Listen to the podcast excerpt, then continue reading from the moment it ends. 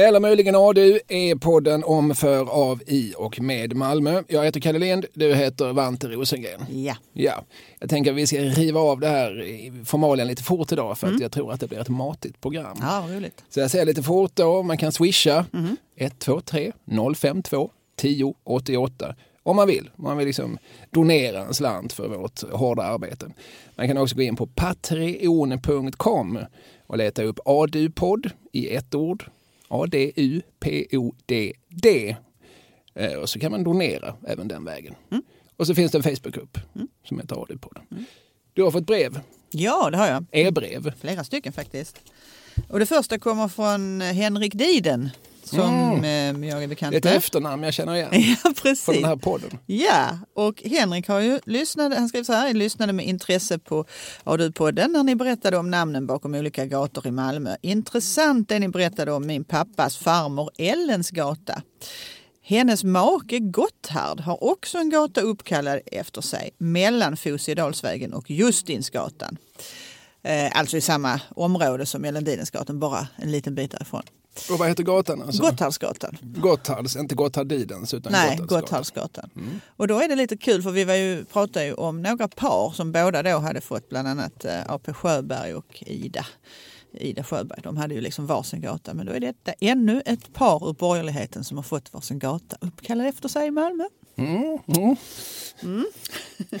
det, det blir som taxonomiskt då så har vi som gator som fått namn efter personer och sen så som fått namn efter nä- nästa underkategori, gator som fått namn efter personer i borgerskapet och sen ytterligare en underkategori, gator som fått namn efter par inom Ja, malmöitisk borgerlighet. Det är en väldigt liten men Ja. spännande kategori. Absolut.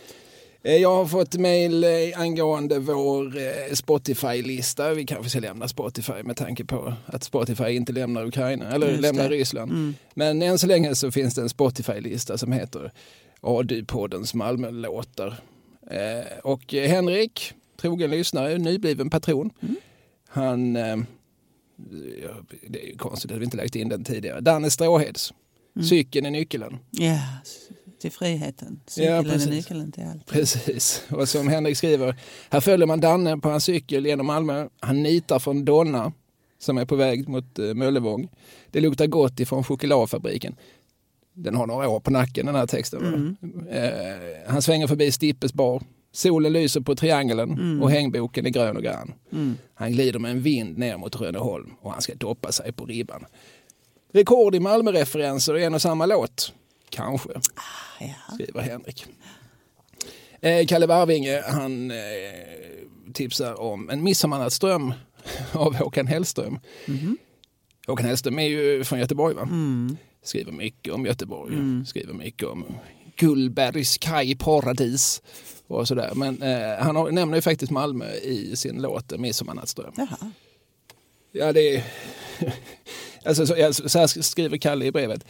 Eh, den skulle kanske kunna komma med den här låten då, där Malmö central skildras som den grind där förvirrade ungdomar norrifrån med förvirrade drömmar om kontinenten ofta fastnat.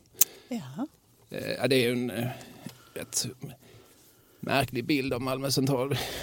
och vi red på Malmö city en måndag morgon. 15 bilar och 15 eh, rastlösa truckchaufförer. Eh, det är någon sorts, jag, tror att även den bilden är mer hämtad från fantasin eller från historien än från verkligheten. Men onekligen nämns Malmö city i Hellströms En midsommarnattsdröm. Så den kommer med på listan. Vi ska inte vara knusliga. Nej, det tycker jag inte. Ja. Så nu över till dagens ämne. Eller hade du det, ännu fler? ett till här. såklart. Ja. Apropå, det också hänger ihop med gator i Malmö. Då fick jag ett mejl från Anna Kostovics, min gamla barndomsvän, som bifogar ett klipp på Sydsvenskan. Nu ser ju du det, men det ser ju inte lyssnarna. Där är en bild och på bilden så ser man posthuset och så är det en gatskylt där det står Miklos Kostovics gata. Och så lyder texten så här. Miklos, en del av en kampanj. Brödtext. Malmöbon Miklos Kostovics har fått en egen gata uppkallad efter sig mellan Malmö C och Gamla posthuset. Miklos vem har kanske en och annan förbipasserande frågat sig.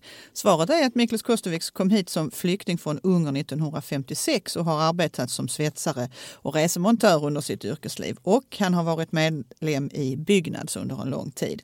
Han tycker att gator egentligen ska uppkallas efter, säger han, personer som har gjort något stort för mänskligheten. Vad jag har bidragit med är att svetsa båtar. Ja, det är stort det också. Ja, det tycker jag verkligen. Eh, den verklighetstrogna Miklos-skylten ingår i en kampanj för Byggnads där man lyfter fram medlemmar som har varit med i förbundet i minst 30 år. Eh, och nu, det här var ju en del år sedan så Miklos är ju inte med oss längre. Eh, och det här var ju då en, en kampanj som ganska snabbt plockades ner av Malmö stad. Men under en kort period så hade Miklos sin egen gata i Malmö. Absolut. Ja. Och tank, tanken var att fackets intention, skriver Anna sen här, var att de skulle utlysa en tävling mellan, det var ju tio olika då, olika städer som de hade valt ut och sen skulle de kämpa in skylten i den stad det gällde. Men Malmö kommun gick då inte med på det med argumentet att gator inte ska uppkallas efter levande personer. Nej, men om Miklos inte längre är bland oss så är det väl hög tid nu. Nu tycker man att han gott kan få sin skylt, ja. Nu lyfter vi frågan igen. Det här kanske är en kampanj du och jag ska driva från Ja. den här podden. Det är ingen dum idé. Nej, men nu, Ja. hur många underskrifter krävs för en, ett Men medborgarförslag? är det inte hundra? 100 000 eller 100 stycken? Hundra stycken, är det inte det? För att Ja, man ska, det de må- ska ta upp frågan i alla fall. Ja, nej, det måste vi kunna ordna. Ja, och det är också en viktig grej för vi pratar om det här att det är inte så många eh, människor som av icke-svensk eh, vad ska man säga, eh, härkomst som har fått gator efter sig i Malmö. Det skulle det vara ett Det är rätt många danskar och tyskar i och för sig. Mm, ja, ja, just det. Eh, Fast många av dem var ju svenskar då. ja. ja, eller, liksom, danskar. vi var Eller rättare sagt, danska då. Ja, Ma- Malmö var danskt ja då. precis. Ja. Men ja, nej, så att det är kanske är en bra idé. Det är en bra idé. Mm. Vi tar detta med oss. Vi tar detta med oss. Ja, Och sen var det ju någon som hade frågat om Agneslundsvägen. Kommer du ihåg ja, det? ja det kommer jag ihåg. Mm, jag och givetvis tog du frågan på allvar. Det är bra. Du är pålitlig på det sättet. Jag gick till källorna.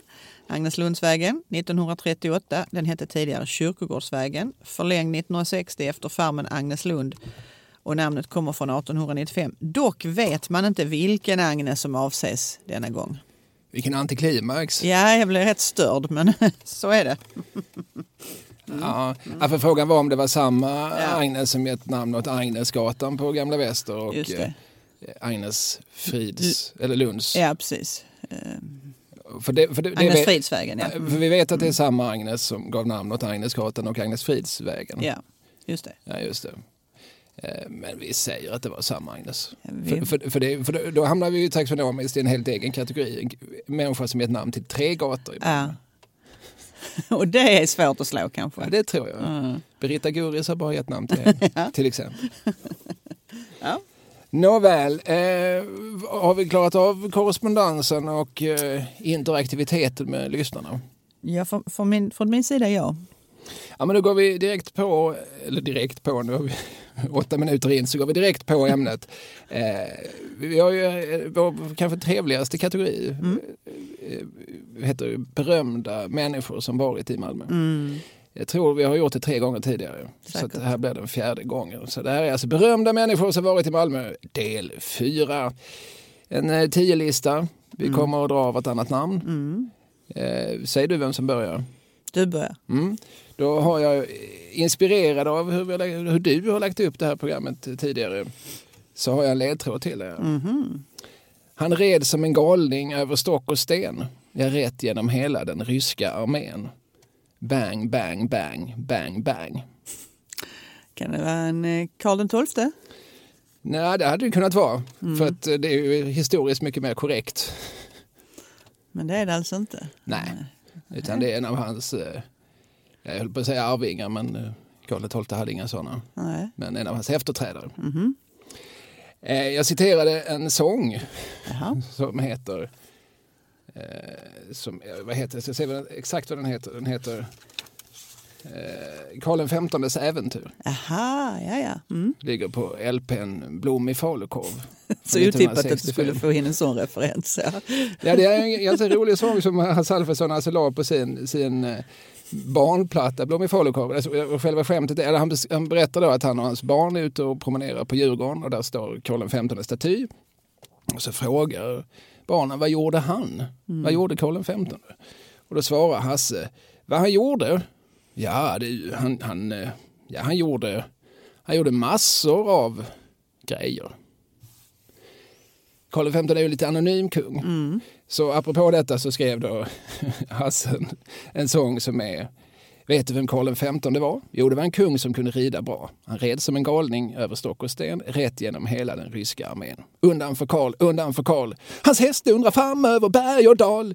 Ja, han rider. Det roliga är ju då att han hävdar att- Karl XV både gömt sig i ett hölass, ätit ärtsoppa och gått på maskeradbal. Och det är ett roligt skämt för oss som är lite historiskt bevandrade. Det kan ha gått över huvudet på barnen. Fast 1965 tror jag att barnen kunde sin kungahistoria. Ja, det är helt. Karl XV hur som helst, konung, inte bara av Sverige utan också av Norge 1859 till 1872. Och han gjorde ju som Hasse sa mycket riktigt en massa grejer. Inte minst gjorde han ju barn. Ja, han var tjejtjusare va? Ja precis, precis som Sune i, Ja. i, i Suneböckerna. barnreferens liksom. Ja, precis. Jo, men han var en riktig tjejtjusare. Han var ju en sann demokrat på det viset. Han, att han gjorde inte någon skillnad på Nej. adelsmadammer och pigor. Utan alla fick de sina minuter med, med kronkalle som han ju kallades eh, av folket. Han, han sågs ju lite grann som en, som en väldigt folklig kung just för att han kunde supa och svära och dra en spader som, som vanligt folk. Och, och som sagt att han, att han gärna beblandar sig även med, med mjölkpigorna. Eh, ja, men vad han gjorde rent ko- konungsligt Ja.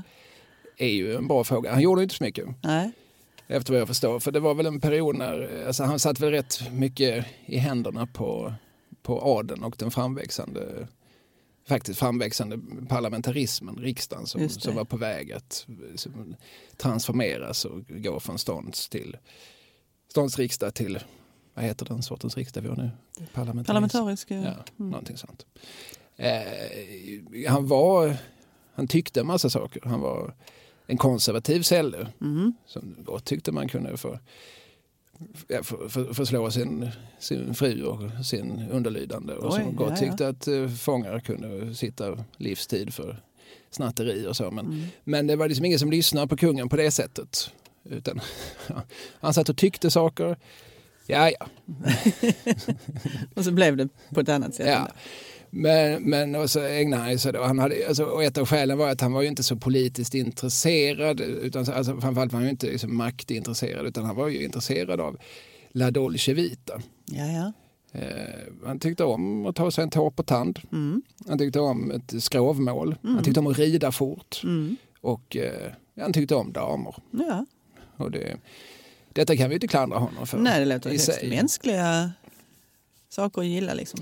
Jag tycker det är roligt att, som även Herman Lindqvist som, som man ändå liksom tolkar som royalist. Han skriver väldigt beundran om Karl XV. Han gillar Karl XV. Han, han tycker liksom Karl XV, han var en av oss. Liksom. Herman Lindqvist är ju själv gammal ravajak. Ja. Eh, Lindqvist skriver att att om alla historier om Karl XV skulle vara sanna, om eh, Karl XVs kvinnobravader och oäkta barn är så många att de bara en bråkdel vore sanna, skulle svenska folket med rätta kunna kalla sig det kungliga svenska folket.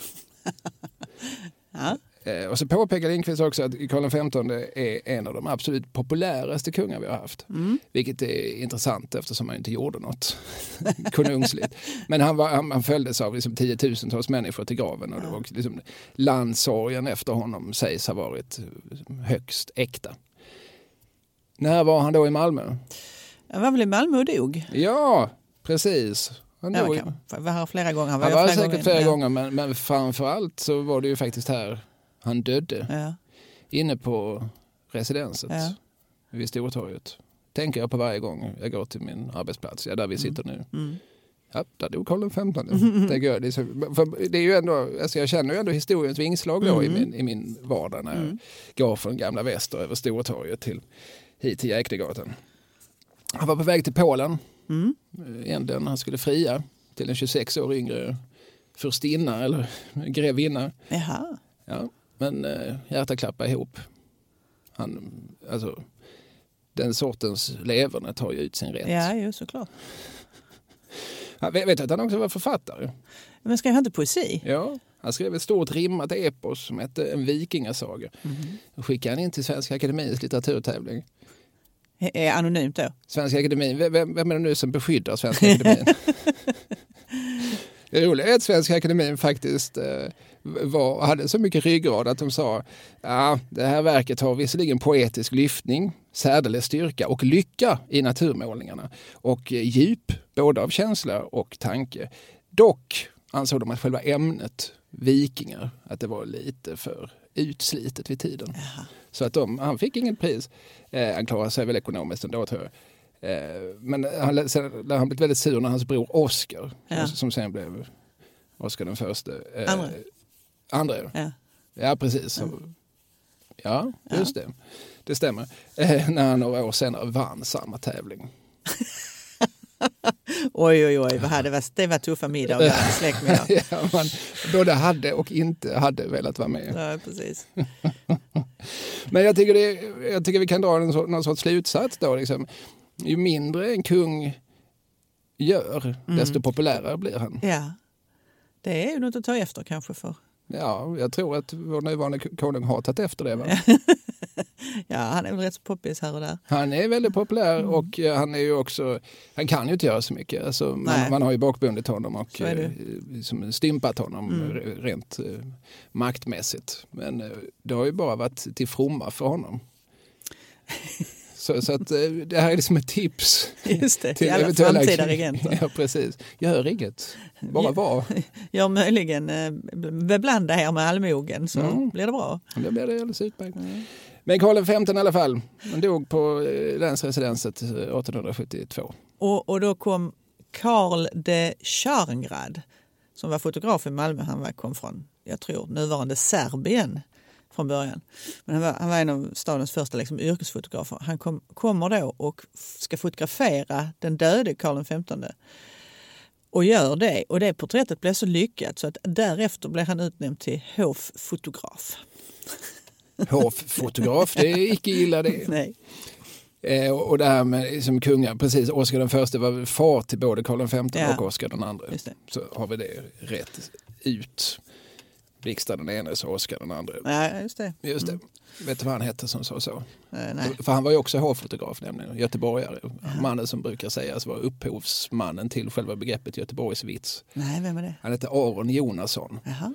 och lär vid något tillfälle under just en fotosession. eh, Som när det började bli, ja, det kanske var för att han hade blixt på kameran. Så blixtade den in så Oscar den andra. Och, Nåväl, Ja. detta var plats Ja. nummer tio. Ja, ja, ja. Nedräkningen har satt igång. Du börjar starkt där med kungahuset. Ja, Ja, precis. Nu, nu kommer det ju vara slippery slope. ja just precis. Ja. Ja, men, eh, vill du ha en, eh, en gåta nu då? Ja, Nu förflyttar vi oss i, in i 1900-talet kan jag kanske säga direkt. mm, okej, okej. Mm. Eh, Då, då är- lyder eh, ledtråden så här. Med joddel och baryton möjligt musikermöte på Mellanheden. Eh, Joddel, eh, då associerar jag till Alice Babs. Ja, det har du rätt i. Och bariton. Eh, ja, vem sjöng bariton? Eller är det, pratar vi ett instrument eller pratar vi en Nej, sångstämma? En sångstämma. Eh, Nej, jag vet inte. Nej, men det, det, det kommer det här.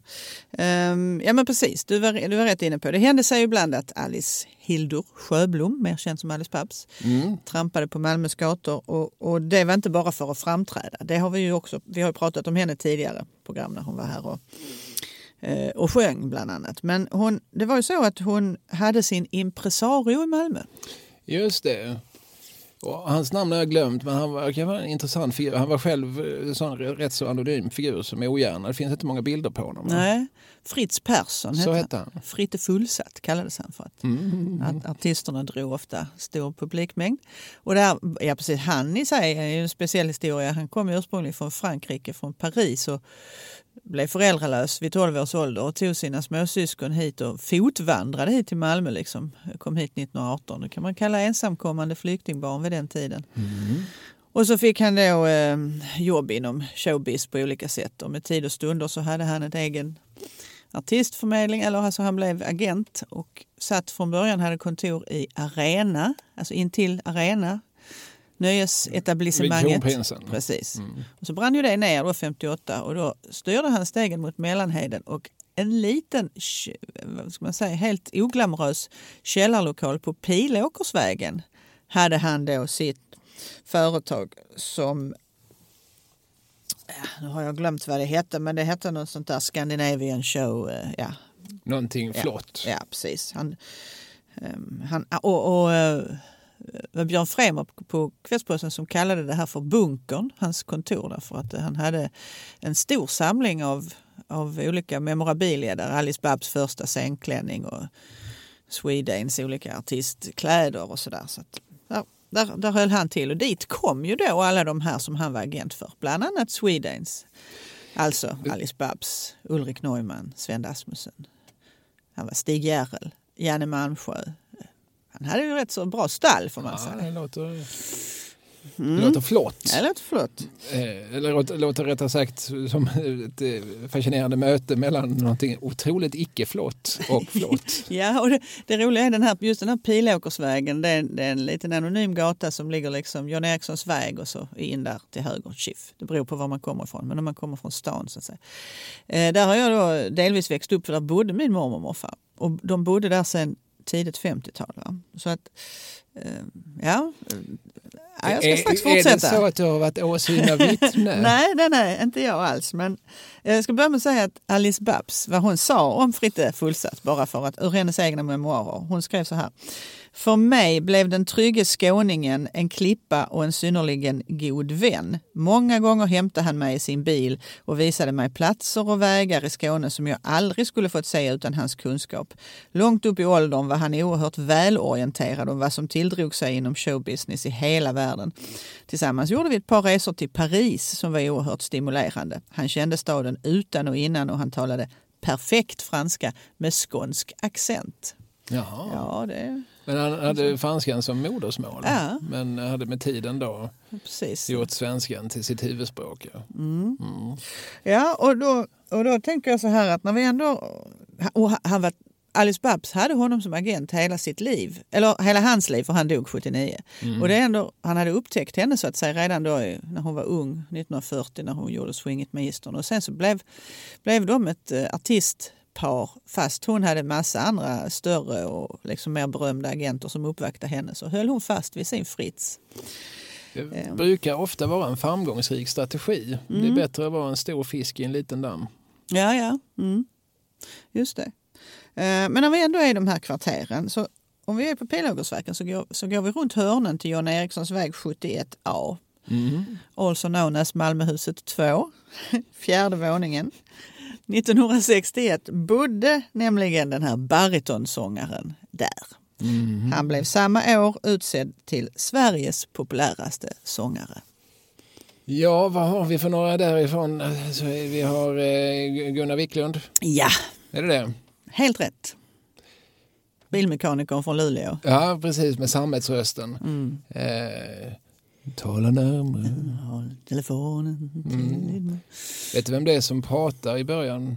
Man hör en kvinnoröst. Ja, Det var Lindblom, va? Precis, hans dåvarande fjälle. Ja. De, de var ihop där på några månader på hösten 60-61 någonting. Mm. Ja. Då hon breakar också. Så. Ja, precis. Hon kanske också har varit på Det är inte alls omöjligt. Ja, För vad gjorde han där? ja Alltså, nej, men han var engagerad i, eh, på Stadsteatern för ett längre en- engagemang då. Han var också musikalartist. Så han, han bodde där då. Och då, då var det så här att eh, hans bostadsadress hade blivit känd i pressen och det ledde ju till att autografkön till hans lägenhet Ja, holy moly. Alltså det var eh, unga tjejer mest då. Den ringlade ner eh, för hela trappan, bodde på fjärde våningen då, till utgången inför trappan och, hela liksom gatan ner. Källa till detta, mamma Rosengren. alltså min mor, Ja, ja. Som själv stod där. Ja, ja. ja, men inga är pålitligare än mammor. Nej, jag, tror hon har eh, klar, jag, du vet, man måste dubbelkolla olika. Var, var han verkligen här då? Och så. Och jo, det Mm. verkar stämma. Vet du vilken musikal han spelar? Men det har jag faktiskt inte kollat. Nej. egentligen. Nej, men det, det kollar vi till nästa gång. Ja.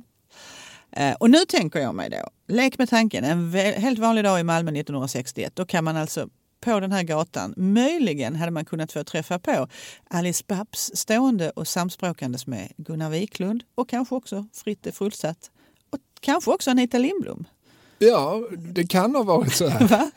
Alltså, vi vet inte att det var så. Nej. Men det hade kunnat Det är troligt. Ja, ja, ja, till och med troligt.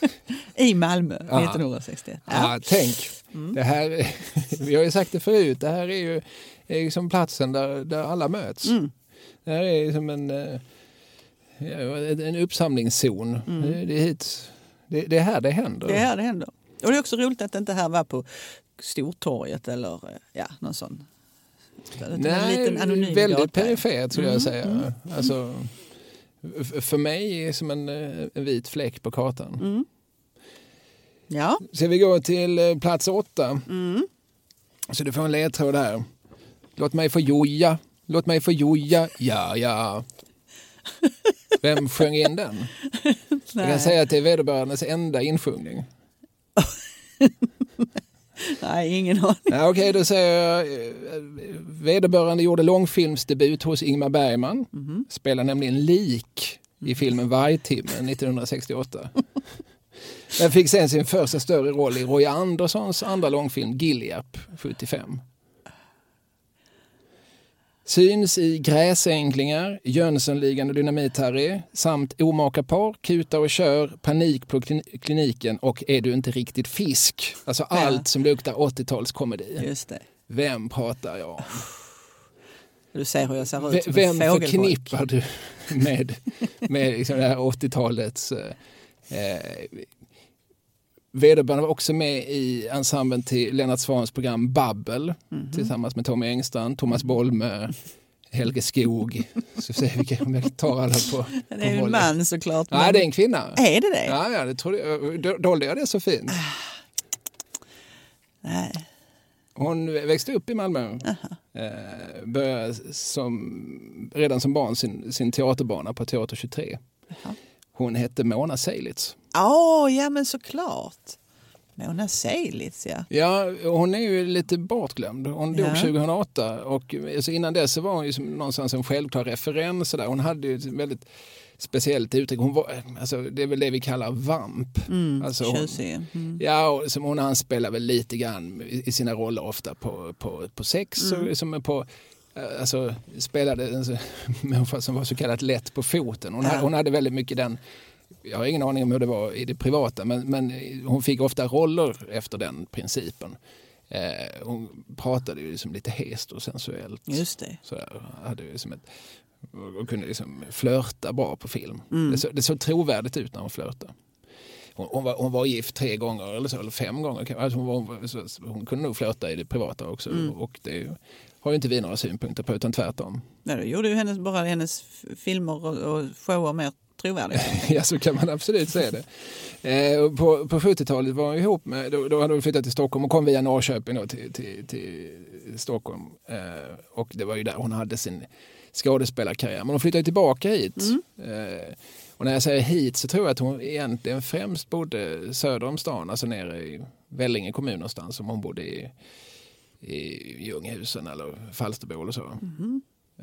Men bodde hon inte också vid, vid, någonstans längs med Limhamnsvägen eller någonting sånt? där? Jo, alltså jag har inte hittat några adresser. Hon, hon dog på Malmö Hospice. Mm. Så att, eh, jag, jag tror att hon som också kom tillbaka till, till ursprunget. Mm.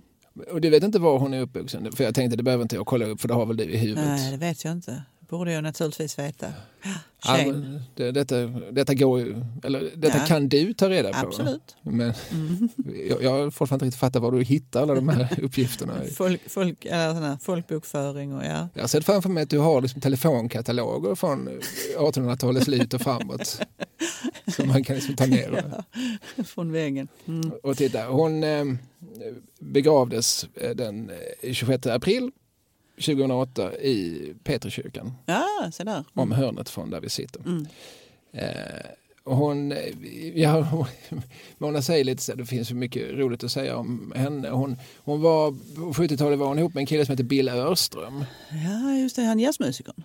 Ja, precis. Kongaspelare och framförallt en sån här liksom spindel i nätet. Alltså han, det var han som arrangerade klubben Philips, eller Flips, alltså som var den första svenska psykedeliska klubben där Mhm. Janne Loffe och Ja. Bosse Hansson och Jimi Hendrix brukar jamma. Det var liksom en klubb som fanns i fyra månader, Mhm. 67, och som fortfarande liksom är oerhört legendomsusad. Ja. Eh, med, med detta gör alltså Mona så till buksvägerska med Lisa Ekdahl. ja, just det, för de var väl gifta och hade barn eller någonting. Ja, precis. Mm. Det var lite större åldersskillnad tror jag mellan Bill och Lisa Just det. än mellan Bill och Mona. Men det har vi heller inga synpunkter på. Nej, nej, nej. Vi, sitter inte, vi bara konstaterar faktum. Ja, ja, ja. Vi moraliserar inte. Nej, nej, nej. Men Mona Sahlin, det känns som att eh, hon eh, har lite grann liksom skrivit ut historien. Det är ju ofta så med Mm. folk som verkar i den här liksom lätta, lätta musans genre. Mm. De, eh, och jag satt och tänkte, liksom, vilka roller har Mona Sahlin gjort? Alltså, hon, jag, kan inte, jag kan inte lyfta fram liksom en särskild insats utan hon, det känns som att hon var liksom en ständigt återkommande faktor Mm. just under liksom, det liksom lite glättiga 80-talet när sådana här privatteaterfarser gick för fulla hus i Stockholm på Folkan och, och Vasan och, och Oscars och sådär. Liksom, ofta var Ulf Brunberg och kanske Janne. Loffe eller Mm. Kjell Bergqvist och Mhm. Johannes Brost och så, och så var det Mona Seilitz var liksom ett av de affischnamnen. Och med oerhört mycket så här glada, trevliga SVT-program. Mm. Och eh, i, alla, i princip alla eh, familjekomedier som gjordes. Och det gjordes mycket sånt på 80-talet. Och det, jag tycker direkt när du sa hennes namn, bong, jag får ju bilden direkt. Alltså man ser henne. Ja, Mm. Och så spelade hon alltså in singeln då. Låt mig få joja, låt mig få joja, ja ja. Jag vet fortfarande inte vad joja betyder. Så. ja, men det är jo, jo, jo. Alltså, han, Ja, men är, jojo då. eller? är det så simpelt eller finns det, finns det någon eller undertext? kod för... eh, Ja. Mm. Mm, det, detta, detta vet inte vi, vi bara gissar. Eller vi bara ställer frågan. Så det är så vi jobbar, vi ställer Ja, frågor. precis. Ut till eh, lyssnarna. eventuellt svara. Ja. Men Mona det Seilitz, ja. vill du ha ha- något att tillägga? Nej, jag tänkte bara, gavs detta ut på någon skiva? ja, ja. det du sa. det finns en singel. Ja. Låt mig få joja. Mm. Spelas mycket i sådana här sunkadelika-kretsar där man spelar liksom udda musik. Incredibly strange music som Mm. det heter på engelska. Mm, just det. Eh, Man spelar gärna liksom Frank Anderssons eh, enda singel. Du vet, man kommer man kom ju fram till när han var inne i studion, vänta Frank kan ju inte sjunga, han får prata istället. Ja, såklart. Och så lägger vi ett discobeat på. Eller Ricky Bruchs singel Mm. som ju spelades in här i stan, Mm. Mig fångar ingen brud. Just det. Med framsidan Baby Dodo. nu lämnar vi Seilitz för att vi har så många namn. Här har vi. Ehm, nästa gåta till dig då, Kalle. Mm. Ej blesserad just då, trots idogt pangande. Alltså blesserad, det har som en blessyr att göra. Ej skadad just då. Mm. Trots idogt pangande. Vem Mm. pangar? Alltså du, du är ju för smart för mig. Nej, inte alls, inte alls. nej, nej, har du... Ja, vi får kan flytta oss leka? tillbaka till, det är ju 1700-tal. Ja, Mm. och vid just det tillfället så, så blev han inte blesserad. Nej, fast det pangades rejält. Ja, Okej, för att det var ett krig? Nej. Eller ett slag? Eller, Nej, men eh, jag ska... Jag ska ja, du, jag, du, ta mig i handen. ja, alltså. nu går vi längs minnenas allé. Eh, till den 12 september 1773. Detta är ett dygn vi ska vara med om nu. Malmö. 1773, Mm. det är året efter. Eller när tar Gustav III makten, minns du det? Ja, du är så listig så. För, det- för det har Ja, någonting med, med G3 att göra. Ja, men det har det. Absolut. Tänk, en, tänk dig nu in i detta scenario. Nu står vi här och tittar. Staden är pyntad och lövad. Det är ehm, kassan, Malmö stadskassa var nästan slut. Man hade anslagit pengar åt att illuminera alla hus vid Stortorget. Det är rent och snyggt. Man har puttat tiggarna runt runt hörnet och ett par kilometer utanför Malmö så har en välkomstkommitté i form av borgerskapets kavalleri ställt upp sig. Och nu kommer snart den förnäme gästen med hela sitt sällskap. Och vem är väl det då om inte den pudrade, fransktalande, sammetsklädde tjusarkonungen, teatermannen Gustav III. Jag förstår. Och han har, vilket år kommer han till makten? Är det 73? Ja, men det är året innan ju. 72? Ja, precis. Mm. Ehm, och han får ju ett välkomnande när han kommer hit till Malmö. Alltså. Som, som heter duga. Som heter Man har laddat upp. Först så blir han ledsagad till stadens östra port och precis utanför vallarna då så kommer fästningens befälhavare och hans officerare och sen kommer landshövdingen, olika ämbetsmän, borgerskapsrepresentanter, you name it. Borgmästaren håller ett kort tal och sen skjuter man salut med fästningens kanoner. Börjar det där liksom. Man kan tänka sig fanns väl inga öronproppar på den tiden. De blev väl lomhörda allihopa. Fortsätter hela processionen ner längs Östergatan. Där har man såklart rest en äreport. Och uppe på äreporten var det sångare och musiker placerade. Så när kungen liksom passerade under så sjöng de en stump. Eh, det var en söndag och av den anledningen så tog man sig direkt hit till Sankt Petri kyrka, redan nämnd här för en stund sedan, eh, för att bevista högmässan. Och eh, vid kyrkporten kommer såklart prästerna i stan och håller tal. Jädrans massa tal här. Kungen hoppar av pollen, ska gå in i kyrkan. Då skjuter kavalleriet och borgerskapets infanteri ny salut. Och efter gudstjänsten när man går ut så skjuter man nya kanonskott och nya skottsalvor från kavalleriet. Kontentan är det har alltid pangats i Malmö. Ja, jag, jag är med. Redan då så skojade stockholmarna. Vad ska man ha skyddsväst på sig? Ja, när man precis. Ja, exakt så. Efter gudstjänsten var det meningen att kungen skulle inspektera fästningen, alltså Malmöhus. Men det är nästa Malmöreferens. Liksom. Det blåste något så fruktansvärt ja, redan, redan då. Så istället begav han sig direkt till rådhuset. Där var Knutsgillet på gång. De skulle bjuda på en riktigt dejlig middag. Eh, och det gjorde de. Och kungens bror, alltså hertig Karl, som sen, sen blev kung senare, ja. han var också med. Och när de här båda promenerade över torget, då var det dags igen. Nu sköt infanteriet dubbla salvor. Och efter middagen så blev kungen och flera ur hans uppvaktning upptagna då som medlemmar i Knutsgillet. Och det var i sanning en herrmiddag får man också konstatera för att bara män var bjudna på käk. Men till kaffet kom flickorna. Ja, Eller om det nu var kaffe, men till desserten. Ja, just det. Det känner vi igen från andra, andra avtagare. Ja, precis eh, och sen blev det bal. Kungen öppnar balen och sen dansades det hela natten. Och sen så, så då, då, eh, det är ändå september, det blir mörkt, mörkt ganska fort. Så på, eller på kvällen då när, när skymningen föll och stadens borgerskap, nu, nu, nu, nu blir det mörkt, nu blir det mörkt. Nu skulle de ju illuminera, hela torget skulle lysas upp, alla fasaderna, man hade lagt så mycket pengar på detta. Vad händer det? Nej, det går inte på grund av den där jävla Malmöblåsten. För, som redan då var horisontell. För då, det var ju liksom levande, då skulle allting riskera att brinna ner. Va? Mm. Så det, allt detta Risky business. Precis. Allt detta krut man har lagt på att göra Malmö fint för Gustav III. Intet platt intet blev det av det. Och redan nästa dag så åkte kungen hem till Stockholm igen. Det känns som en, ett stycke Malmö-historia. Det känns mm. väldigt signifikativt mm. på något sätt.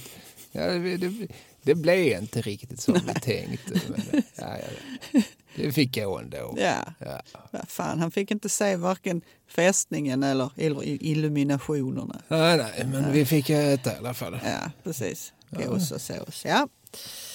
Så ja, ja, Gustav III, 1773 var detta som han kom hit. Gives precis.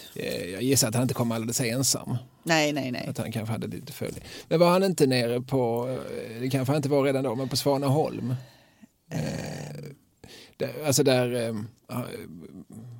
McLean, mm. Rutger McLean mm. kom ju dit och, och mm. införde skiftesreformen och det var väl, då är vi väl ja. under Gustav IIIs regim, men det kanske är lite senare. Det är möjligt, jag kan inte exakt när han var där. Jag, jag bara får för mig att eh, det gjordes ju en, en tv-serie om McLean på slutet på 80, början på 90-talet någonting.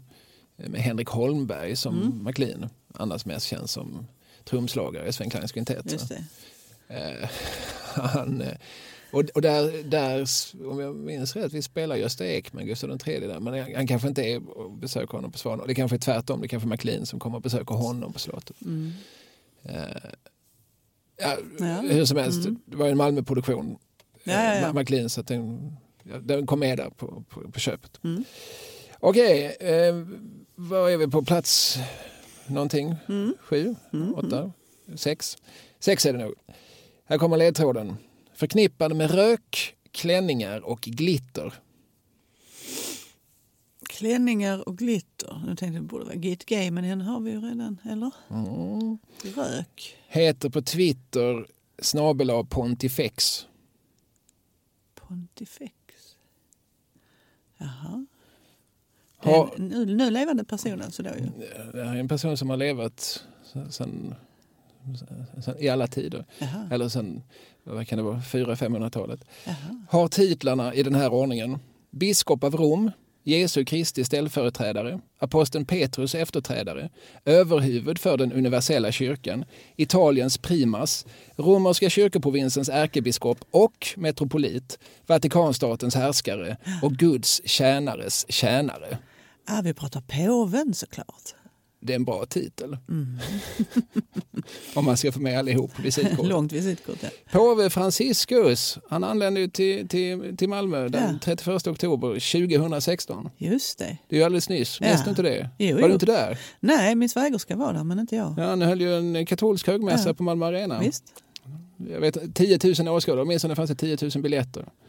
Eh, Jag vet inte hur många som faktiskt kom dit, men det, ja, det var säkert. Det går säkert att rota fram 10 000 katoliker.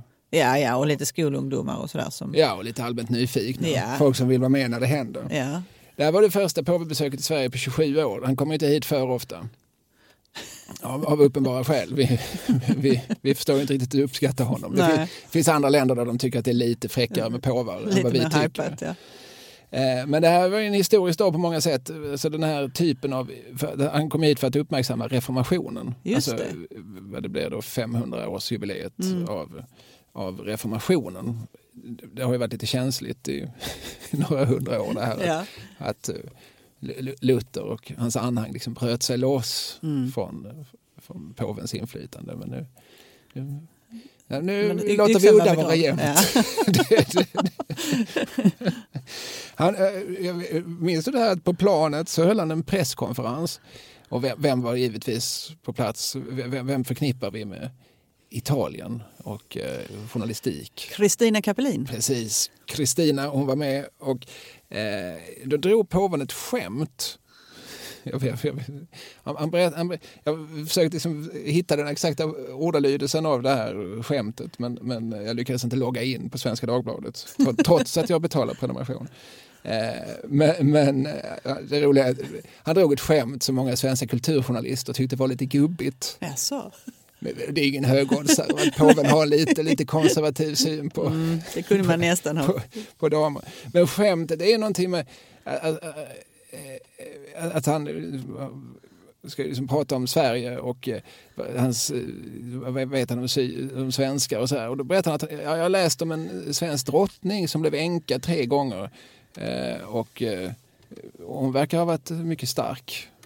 Det var ungefär det här som var skämtet. Påvar är ju inte ståuppkomiker på det sättet. Leveransen är väl inte 100 procent. Men alltså skämtet är väl lite grann då att hon tog livet av tre karlar. Ja.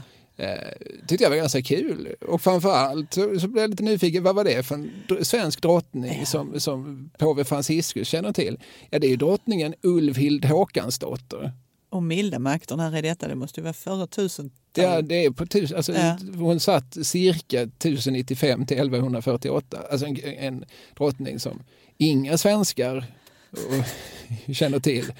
Liksom droppar Franciscus sådär lite grann. Det tycker jag är mer spännande än att, jaha, okej, påven var, han, han hade lite så eh, lilla Fridolf-humor. för det, för det, det kan vi väl inte bli så chockade över att, att påven inte har, att han inte liksom är uppdaterad, Nej. att han inte har gått Södertörns eh, grundutbildning i genuskunskap. Metoo nådde inte Vatikanen riktigt eller? Nej, just metoo. Ja, nej, precis. Fast eh, man har hört lite om tallande även inom katolska kyrkan. Ja, just det. Men det är väl lite mer på gossar de har tallat? Jo, men även de kan väl säga metoo. Ja, det kan de kanske göra. Ja. Jag, jag, jag hörde just en gosse säga det. Metoo. Precis. Ja, men jag, jag hittar också lite rubriker som säger så himla mycket om en svensk mentalitet. Eh, alltså nu kommer liksom, det här är ju en av världens största ledare. Det, fin, alltså jag, jag, det är möjligtvis som Kinas överhuvud som har liksom fler underlydande än påven. Ja. Men det, det Ja. finns ju en miljard katoliker Ja. i världen. Alltså det, han är, han är, och nu kommer han hit. Och, och, och Sverige är så himla himla oimponerat. Det är så malmöitiskt också. Ja, här kommer påven. Ja, ja, ja, Ska nej, han- nej, jag, Två gator blir avspärrade, det är för jävligt. ja, precis. Det kom jag ju inte. Jag skulle till Stipp. Ja. Så. Eh, svenska tidningsrubriker. P- polisnota för påvens eh, besök, 15 miljoner. Ja, det är det man lyfter Ja. fram. Ja. Så mycket kostar det att se påven i Malmö, skriver Dagens Industri. Vet du vad det kostar? Nej, 100 spänn. Det är ju inte ens, det är ingen nyhet. nej, det är som att köpa ett magasin. Och sen så givetvis då hittar jag också rubriken. Påven bör rannsaka sig själv för sin genussyn. Och det var det där skämtet är. Ja. Ja. Det är också lite, lite övermaga. Ja. jo, ja, men absolut, när du säger det. Jag, jag är den första att hålla med om att katolska kyrkan bör se över Ja, ja, ja. sin syn på, på homosexualitet, på Mm. abort, på jämställdhet. Absolut, men det kanske inte är liksom några svenskan krönikörer som kommer att få Franciscus att ändra uppfattning. Och just det där skämtet var kanske rätt så oskyldigt i sammanhanget. Ja, utan tvärtom tyckte jag det var lite kul. Kul att han visste ju något om den. I sin research så hade de fått fram den här drottningen. Ja, man fall. hittat Ulvhild Håkansdotter. Ja, jag menar det. Det är mer än vad du och jag har letat fram. absolut. Och vad hade han, pappa, vad heter den, pappa mobilen med sig? Nej, vad heter den? Hans, hans lilla fordon han åker runt i. Heter den pappa mobilen? Heter det pappa? Det är otroligt roligt. Eh, det, det vet jag faktiskt inte om han hade. Han var ju både i Lund och Malmö. Ja. Ska vi väl tyvärr eh, för sakens skull lägga till att det var väl i i Lunds domkyrka han också deltog i en Mm. Gudstjänst. Men sen höll han alltså en högmässa på, på Malmö Arena. Ja. Eh, som sagt, 31 oktober 2016. Två dagar var han där. ja, det är rätt mäktigt ändå. Ja. Påven. Och eh, jag har aldrig hört någon prata om det sedan dess. Nej, Nej. det, så, det var, nog med dig faktiskt. Det Det, det, det var då och där. Och Det var, någon, det var någon gubbe som var här. Och, i klänning. Man pratar ju mer om den gången när Göte Fyring klädde ut sig till påven första april. och Sydsvenskan hade det som att påven hade varit på latinskolan. Ja, just det. Man pratar, och det pratar man ändå inte så mycket om. Nej, Men apropå latinskolan, har du hört den här legenden om att påven vid något tillfälle har skjutit till pengar till Malmö Mm. latinskola? Jo, men eh, 1406 va, så skrev de ju till, eh, till eh, och frågade om man kunde få ha en latinskola och det fick man ju då. Och detta är ju före reformationen. Ja, nu är Innocentius, den, eh, nu kommer jag inte ihåg vad han hade för nummer, men påven Innocentius var det i alla fall som Ja. sa att jo det går bra, här får ni lite stålar. Och då var det ju inte på den platsen, utan det var det ganska nära här där vi sitter, som i, i latinskolan låg. Nere vid hörnet Skälbogatan och Mäster Nilsgatan blir det då ju. Mm. På väster till. Lite, lite mindre. Men även, alltså, jag har hört en myt om att även i modern tid, alltså när Ja, typ latinskolan behövde... Aulan skulle renoveras va? Ja, Mm. då Just det. var det någon som gjorde Ja. en fuling. Vi ska vi inte skriva till påven, Jo. för visst är, han, visst är han formellt någon sorts övervakare. Ja. Och så säger åtminstone sägnen då att, att det kom några dublater från, ja, från. Vatikanen. Det stämmer väl va? Ja, Det det, har jag också hört. Ja, har du hört det så är det ju sant. Du hör ju inte lögner och alternativa jag silar fakta. allt sånt som är osant.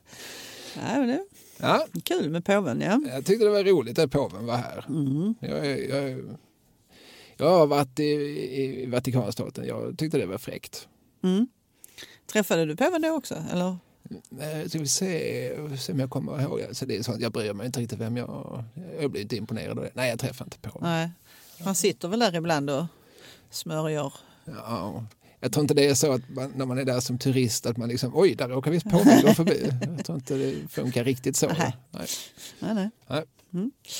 Eh, nej, men okej. Okej, vi går vidare på listan över berömda människor som varit i Malmö. Positively Engelbrekt Street. Vad säger du då?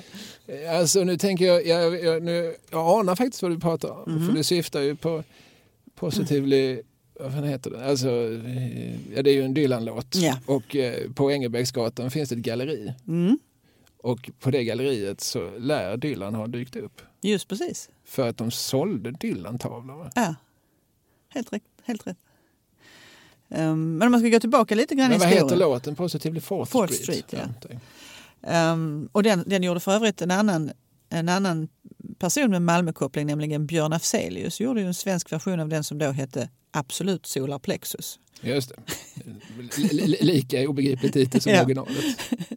Men man kan tänka sig att Bob Dylan redan 1963 kanske fick en liten feeling för att han ville åka till Malmö. Han har ju sedan dess varit här många gånger men 63 kom ju den här eh, hans andra album, nämligen The Freewheeling Bob Dylan, där han, den här fina bilden från Greenwich Village när han går med sin flickvän, dåvarande, mm. från snöig gata. Susie, Rot- Rotolo eller just det. Mm.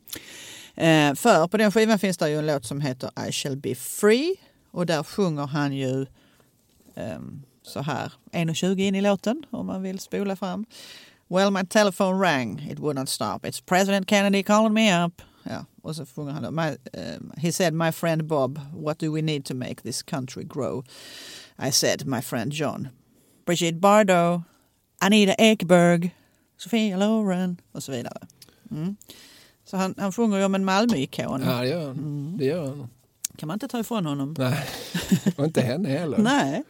Eh, och det är märkligt sen, senare samma år så blev ju president Kennedy faktiskt mördad. Mm. Eh, men hur som helst, 1998, en av gångerna han har varit i Malmö, då spelar han på något som heter Brofestivalen. Festivalen med ä. Ja, just det, det var han ena dagen och Lou Reed andra Ja. dagen. Men, men Malmöborna tyckte att det är lite för långt att masa sig ut ända till Lernacken. Ja, jag var faktiskt på Lou Reed-dagen, Mm. men det var bara för att jag fick fribiljetter av en väninna som då jobbade på Skånetrafiken. De hade väl något att göra med arrangemanget tror jag. Mm, mm, mm. Mm. Var det där? Eh, nej, det var jag inte. Men jag tror inte jag var Malmöbo då. Eh, Jag tror, jag tror inte jag var riktigt i trakten. Så det var ännu längre för dig? Ja, liksom, om precis. Jag kanske var tvungen att ta mig ena från Lund.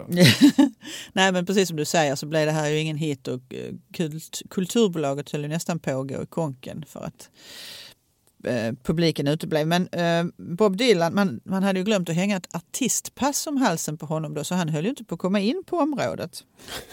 Nitiska malmöitiska vakter stod nej min själ här kommer inte du in, har du ingen bricka kommer du inte in. Det är som, eh, som när George och Paul blev portade för att de inte hade slips. Ja, Eh, Det, historien upprepar sig. Lite så är det faktiskt.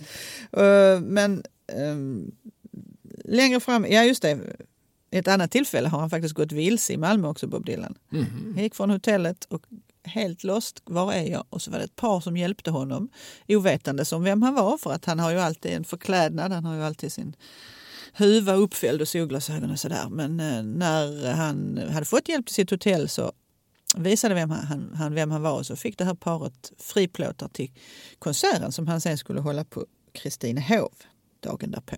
Mm. Nu ska vi till 2015 den 8 oktober. Då kommer de, då ska de spela på Malmö Live. Var du där? Nej. Nej, inte jag heller. De checkar in på Radisson Blue på Östergatan. Eh, De har bott där tidigare och de är där faktiskt två hela dagar innan spelningen. Så Bob har ju tid att gå omkring på Malmös gator. Och precis som du var inne på, vid ett tillfälle så går han på Engelbrektsgatan och går förbi Miva Fine Art Gallery som det heter. Just det, det ligger på andra sidan eh, Hotell Temperans. Det heter kanske inte Hotell Temperans längre. Snett mitt emot Ja. Mästerlivs som jag vet att det inte heter längre. Nej, just det. Nej men exakt. Och där, där eh, ställde de ju ut just då konst av Bob Dylan. Så han går in i lätt förklädnad, chitchattar med galleristen, pratar lite och galleristen som inte förstår att det är Bob Dylan svarar de är ett av nio gallerier tror jag det var i hela världen som hade glädjen att få, få då representera Bob Dylan. Och då tar han av sig glasögonen och ger sig till känna och man får förmoda att galleristen blev väldigt överraskad. Det hade jag blivit. Det hade jag också Och blivit. jag förstår också gallerister. Alltså, när man berättar sådana historier så tycker folk att det var, kände de inte igen Bob Dylan. Han har man ju sett på tv och på tidningar och sånt. Mm. Men, men det är ju så osannolikt att han ska finnas överhuvudtaget. Alltså Ja. man, det, är ju, det, är ju- det, är liksom, det är väldigt svårt att föreställa sig att Bob Dylan går på toaletten och Ja, ja. ryggont. Och, Ja. Nu är jag ju 80 plus och Mm. ja, Kanske lite artros till och med. Ja, precis. Eh, det är så svårt att föreställa sig honom som, Ja. som mänsklig. Just det. Han har ju som varit ikoniserad Ja. nu i 60 år. Höjd över all, allt, allt annat. Liksom. Eh, han lär också vara en stor anhängare av tv-serien Bron som ju har väldigt stark Malmökoppling. Ja, ja, jo, den utspelar sig åtminstone till hälften. Eller ofta, ja. Ja, så lär han vara det. Mm, så hans agent hörde 2015 på våren av sig till, till Brons producent och undrade ifall man kunde få ha med sig en liten kan vi, kan vi kanske en liten Dylan-låt kunde vara med i serien? och, eh, för de ville gärna vara med och det lät ju härligt tyckte producenten. Men är det inte farligt dyrt då om, om en Dylan-låt ska spelas? Nej, det visade sig vara bara någon liten eh, administrativ avgift de behövde betala. Men sen var ju nästa problem att i Bron så hade man ju bara nyskriven musik. Så hur löser vi nu det här? Men eh, man beredde i alla fall eh, plats. Det är väl bara att låta Dylan. Kim Bodnia slå på en radio. Alltså, det, det kan inte vara så Precis. himla svårt. Och, liksom, och, och, om man nu tycker det här är viktigt, vilket jag, jag hade tyckt. Ja. Om Dylan hade hört av sig till mig, Mm. kan inte du ta med några strofer av min sång? Då hade jag sagt absolut Bob. Ja. Eh, Jag, jag, jag hittar ett sätt. Absolut, jag, jag är helt med dig. Ja. Ja. Nej, men det blev också, det kom en liten Ball- Ballad of a thin man kom med. Do you, Mr Jones? Du kunde den. Ja, Som ett rinnande Ja, vatten. det är en bra, en bra Dylan-låt. Ja. Han har gjort några låtar, alla är inte bra, Nej. men många är. Ja. Nej, men det var eh, Bob Dylan, Bob Dylan i Malmö helt enkelt. Ja, ja men det är stort. Nu har vi liksom varit uppe med de här liksom ikonerna och internationella storheterna. Vi, vi, nu kommer vi att ta ner det lite grann. Här kommer ledtråden. Filminstitutets före detta vd Anna Serners farbror Håkan Serners farbror. Frank Serner? Nej, Ja, fast han hette, du är helt rätt på det. Frank Heller. Just det. Hette han, var hans pseudonym? Just det. Och vad hette han? Han hette Alltså, mhm. Gunnar Serner. Gunnar Serner. Han var dessutom morbror till Elsie Rydsjö. Ja, ja. alltså författaren från Simrishamn som skrev historiska romaner lite grann i samma anda va, som Alice Lytkens eller sådär, som, Mm. som ju också var, hade Malmörötter. Gunnar Serner, Frank Heller, ett av de fyra skånska F'n. ja Man pratar om dem ibland. Falstaff Fakir, Frans G. Bengtsson, Fritiof. Nilsson Piraten. Ja. De har ju alla någonting gemensamt lite grann. De, de är inte riktigt eh, samtida men alla har de liksom någonstans passerat Lund och Mm. har väl någon sorts likhet i det att det finns en vitterhet Mm. eh, hos dem. Och alla har ju eh, alltså absolut ett humoristiskt anslag. Allt de skrev var inte roligt, särskilt inte Fransk Bengtsson. Han skrev ett och annat högstämt också. Men, Mm. men det fanns en sorts ironi, en sorts liksom, komisk distans till, till världen som förenar de här fyra skånska F'n. Och sen när han kom från, ja, han var uppvuxen i Blekinge men kom till Lund där han gjorde av liksom, oerhört mycket pengar. Pengar som han då inte riktigt hade. Det var ju, du känner till det här liksom växelsystemet som de höll på med. Ja, just det. Det här beskrivs ju väldigt mycket i just Fritiof Nilsson Piratens tre terminer som är hans skildring från Lundaåren. Det, det var ju ett otroligt osäkert system om man fick någon att skriva på liksom en tillfällig låneförbindelse och sen så skulle de ju lösas ut och då fick man liksom ofta göra så att man fick någon annan att skriva på en annan växel Ja.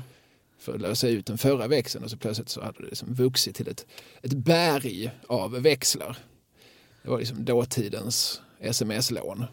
Jag tänker att det hade man ofelbart varit föremål för uh, Lyxfällan om man hade levt på den tiden. Så är det. Alltså, det här- var ju mångas undergång. Eh, Alltså för väldigt många av de som kom för att studera var ju inte så välbärgade. Även om de kom från ett borgerskap eh, så, så kom de inte alltid från ett burget borgerskap. Nej.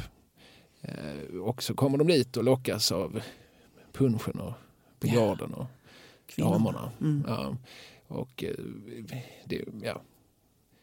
Detta råkar Frank Heller ut för, eller Gunnar Serner som han fortfarande hette då, hans civila namn. Eh, Och eh, 1912 hade situationen blivit så prekär att han valde att lämna landet. Eh, Och då, då reste han från Lund till Malmö och då hade han med sig tre falska växlar. Oj, oj, oj. Stegade in först på ett bankkontor. Eh, lyckades lösa ut det här. Eh, lite svettigt för att eh, Mhm. det fanns väl, även om det var betydligt lättare på den tiden, alltså, det fanns inte bank-id. Eh, och Nej. så Ja, men han lyckades få en rätt, det är rätt stora summor pengar vi pratar om. Och så med detta på fickan går han till nästa bankkontor och lyckas där också. Sen går han in på ett tredje bankkontor. Där lär han då liksom ha känt att nu, nu har den här kamreren gått, varit backstage lite för länge. Du vet, kamreren kanske Mm. reser sig och säger där får jag liksom kolla med, med direktören. Så då tar han portföljen med de pengar han redan lyckats tillskansa sig och går rakt ner till centralen. Sätter sig på tåg, eh, eller, eller förlåt, han tar ju båten till Köpenhamn såklart. Mm. Och därifrån tar han tåg till Hamburg och tar sig sen vidare till London. För att till slut hamna i Monte Carlo. och där, där, alltså han har ju med sig pengar, alltså, det- han har med sig motsvarande en halv miljon Men han går med dem i väskan. i kontanter. Ja, Oj, oj, oj. ja, vad ska han göra? Nej. Eh, Och eh, i Monte Carlo så träffar han på en, en figur som, som heter Mauricio Jespersson, vilket jag tycker är ett härligt namn. Känns som, ett- som ett taget namn. Mm. Den är Mauricio Jespersson. Han har ett, eh, han har ett ofelbart roulettesystem. Mhm. Alltså det går, inte, det går inte att förlora på det här systemet. Kom Gunnar, vi går till kasinot. Ja.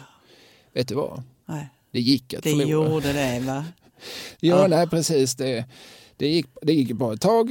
Eh, men eh, så, eh, de höll på några dagar med detta och en dag så kom det upp udda 17 gånger. Och hela, kap, hela kapitalet förlorades. Nu är han luspank. Nu sitter han i Monte Carlo jagad av svenska landsfiskalen. Eh, och kan ju då inte åka hem utan vad göra? Tänker den liksom begåvade språkbegåvade. Han har skrivit eh, någon sorts avhandling eh, i engelska. Jag tror han studerar engelska i Lund. Eh, men så att ja, jag skriver väl något. Något måste jag göra. Mm. Så då skriver han sådana här små, väldigt eh, eh, eleganta skildringar av just Monte Carlo-livet. Det är ganska, ganska hippt vid tiden. Så här, du har eh, liksom, den här miljön som, som börjar byggas upp liksom vid franska rivieran. Den här liksom, liksom tjusiga, eleganta och liksom, där väldigt mycket pengar florerar. Så det, har, liksom, det är ganska attraktivt för en stor läsekrets. Det är det väl fortfarande någon mån. Det tycker vi är fortfarande lite, Mm. lite cool att se på film och så. Det är också, man tänker liksom Bond på, på, på 60-70-talet. Det är också det är ju samma sorts James Bond. Alltså. Ja, just det. Eh, Så då skriver han olika små noveller till att börja med om eh, olika lycksökare, väldigt världsvana människor som är mångspråkiga och som, som glider runt och förför och bedrar och, eh, och blir en sorts eh, och så skapar han så småningom en figur som heter Filip Collin som är en sorts gentlemannatjuv Mm. som rör sig väldigt hemtamt i de här miljöerna och som, som lurar dumma detektiver. Kan han ha dratt lite från sitt eget eh, Ja, det, det, liv där? Ja, men mycket var väl så att säga självupplevt eller åtminstone saker som man sett och iakttagit på plats. Och, så. och det här går väldigt bra för honom. Han blir förmögen. Han låter resa sig ett, eh, en Casa Colina, alltså Colina då efter sin huvudperson Filip Collin, ja. på Bornholm. Jaha. Mm. Och kommer så småningom, men det tar ju lång tid för att sen så utbryter ju första världskriget. Ja. Så att han kommer ju inte hem. Han sitter i Köpenhamn sen under hela första världskriget och skickar eh, noveller en masse till svenska tidningar där, där han blir eh, väldigt populär. Men alla, var det inte så att fogden stod och väntade när han skulle återvända till Sverige? Ja, men då kunde han väl kanske också då betala tillbaka. ja, ja. ja. Mm. Då hade han liksom skaffat sig ett kapital. Mm. Men det, för mig, har du läst Frank Keller? Jag vill inte påstå att jag, jag kanske något i skolan när jag var späd. Det är ju Är roligt. Alltså jag tycker fortfarande det har absolut en, en, eh, ett, ett värde. Det finns en, en, liksom en, en ton i dem som, som är väldigt lätt att eh, tycka om. Liksom Mm. Sättet som eh, Filip Collin på ett väldigt liksom, elegant och Mm. artigt vis blåser sina fiender och sådär. Och, och, och, och så är det någonting roligt med sådana här liksom, supermänniskor som Collin är ju förklädnadsmästare och framförallt så, kan, så pratar han ju flytande. Alla, alla språk pratar han ju flytande på ett liksom helt självklart sätt. Vad roligt. Ja, nej, men det, en handfull romaner skrev han om Philip Collin och sen så skrev han då framförallt, framförallt vågar jag säga, noveller. Eh, som absolut har ett läsvärde även 2022. Ja, jag tror jag får eh, gå till bokbörsen och handla på mig någonting. Mm, det tycker jag. Mm. Eh, dagens boktips. Mm. Men eh, Gunnar Särner var i Malmö då, eh, Och 1912. blå- blåste bankerna. Ja. Mhm. Nu har vi inte så många kvar. Du har två, Ja. två och jag har ett Mm. namn kvar. Och då är eh, min nästa gåta är så här. Blev halvsvensk tack vare en pretty woman. Ja, Pretty Woman var en film med Jul- Julia Roberts och Richard Gere. Mm. Och Richard Gere vet jag att han var ju här eh, ihop med Cindy Crawford, var det inte det? Eller nej, just det, han träffade, han träffade en svensk dam och de, de häckar någonstans uppe vid Skälderviken, och så uppe i Kattvik. Just det, badade väl där. Den. Och det var väl till och med så att han var eh, barfota över hela kroppen. Ja, jag tror Jag nästan tror han han var det på visade enda, bilderna. lyk, enda lykten. Ja. I, det, det fanns en paparazzi, det var någon gubbe som satt i vassen och hukade och råkade med sig sin, fotogra- eller sin, sin kamera. mm. och som säkert fick en slant på kuppen. Eh, är det Richard Gere vi pratar om? Nej, Nej. ja, det kunde det ha varit, för det är en rolig historia. Men nej, det här är faktiskt en, det är en man, det är en, en, man, en musiker. Var det han som sjöng Pretty Woman? Som heter Roy Orbison? Inte han, men däremot hans son. Mhm. Som också heter Roy Orbison 2. Se där. Mm. Så det, det var rätt ja. att säga att det var Roy Orbison. Fast det var ja, det just var det. den-. Just det, precis. Eh, ja, precis. Eh, Roy Orbison 2. Om man, om man bara börjar med att föreställa sig hur hans li- jordeliv började. Hans gudföräldrar var Johnny Cash och June Carter Cash. Mm. De bär honom till dopet. Där sätter vi liksom... Frågan var, var Johnny Cash svartklädd redan på den tiden? Han blev ju så småningom the man Man in black. black, ja. han, han vägrar ju, till- så, så länge det finns krig på, Mm. på jorden så skulle Johnny Cash bära svart. You'll Eh, never see me wear a suit of white. Ja, precis. Precis. Mm. Eh, Jag vet inte exakt när han börjar med detta. Strunt samma. Det här är ju bara spekulationer. Eh, nej men precis. Eh, och jag, jag tänker att Roy Orbison 2 då, hans... Som 17-åring skrev han en låt ihop med Bono i U2. Mm. Han är producent, han är gitarrist. Men framförallt så har han ju med sig det här som son till legenden. Han växte upp i Nashville. Och med sin farsa hängde han med just, nämnde Bob Dylan, George Harrison, Tom Petty, de andra i det här grabbgänget. Traveling Wilburys. Ja. Signifikativt nog glömde du Jeff Lynne. Jeff Lynne, Det ja. det är alltid, jag tror att han var den som skrev mest i Traveling Wilburys men det är alltid han som nämns sist. För- Precis, sorgligt. Ja, men ELO som hans band hette, de var, de var väl stora, men de var inte, jag tror inte de var så stora i Sverige som de var på andra ställen. Nej. Så att Jeff Lynne blir aldrig, sen var det en femte också.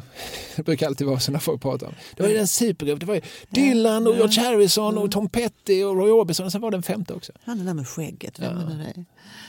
Ja, men i alla fall, när Roy Orbison, den första då, senior, han dör ju i en hjärtattack 1988 och då blev sonen så bedrövad av detta och han fick så mycket uppmärksamhet som han inte önskade så han klippte liksom banden med USA ett tag och gjorde sig av med sitt kända efternamn. Istället tog han Roy Orbisons mellannamn. Nu har jag glömt vad det är, det är något på K. Kell, Kellner, Keller, något sånt där Okej. tog sig hela vägen till Sverige. Det var nämligen så att hans bästa vän på high school var en svensk utbytesstudent som hade berättat så oerhört gott om Sverige för honom. Så Roy flyttar hit till Malmö.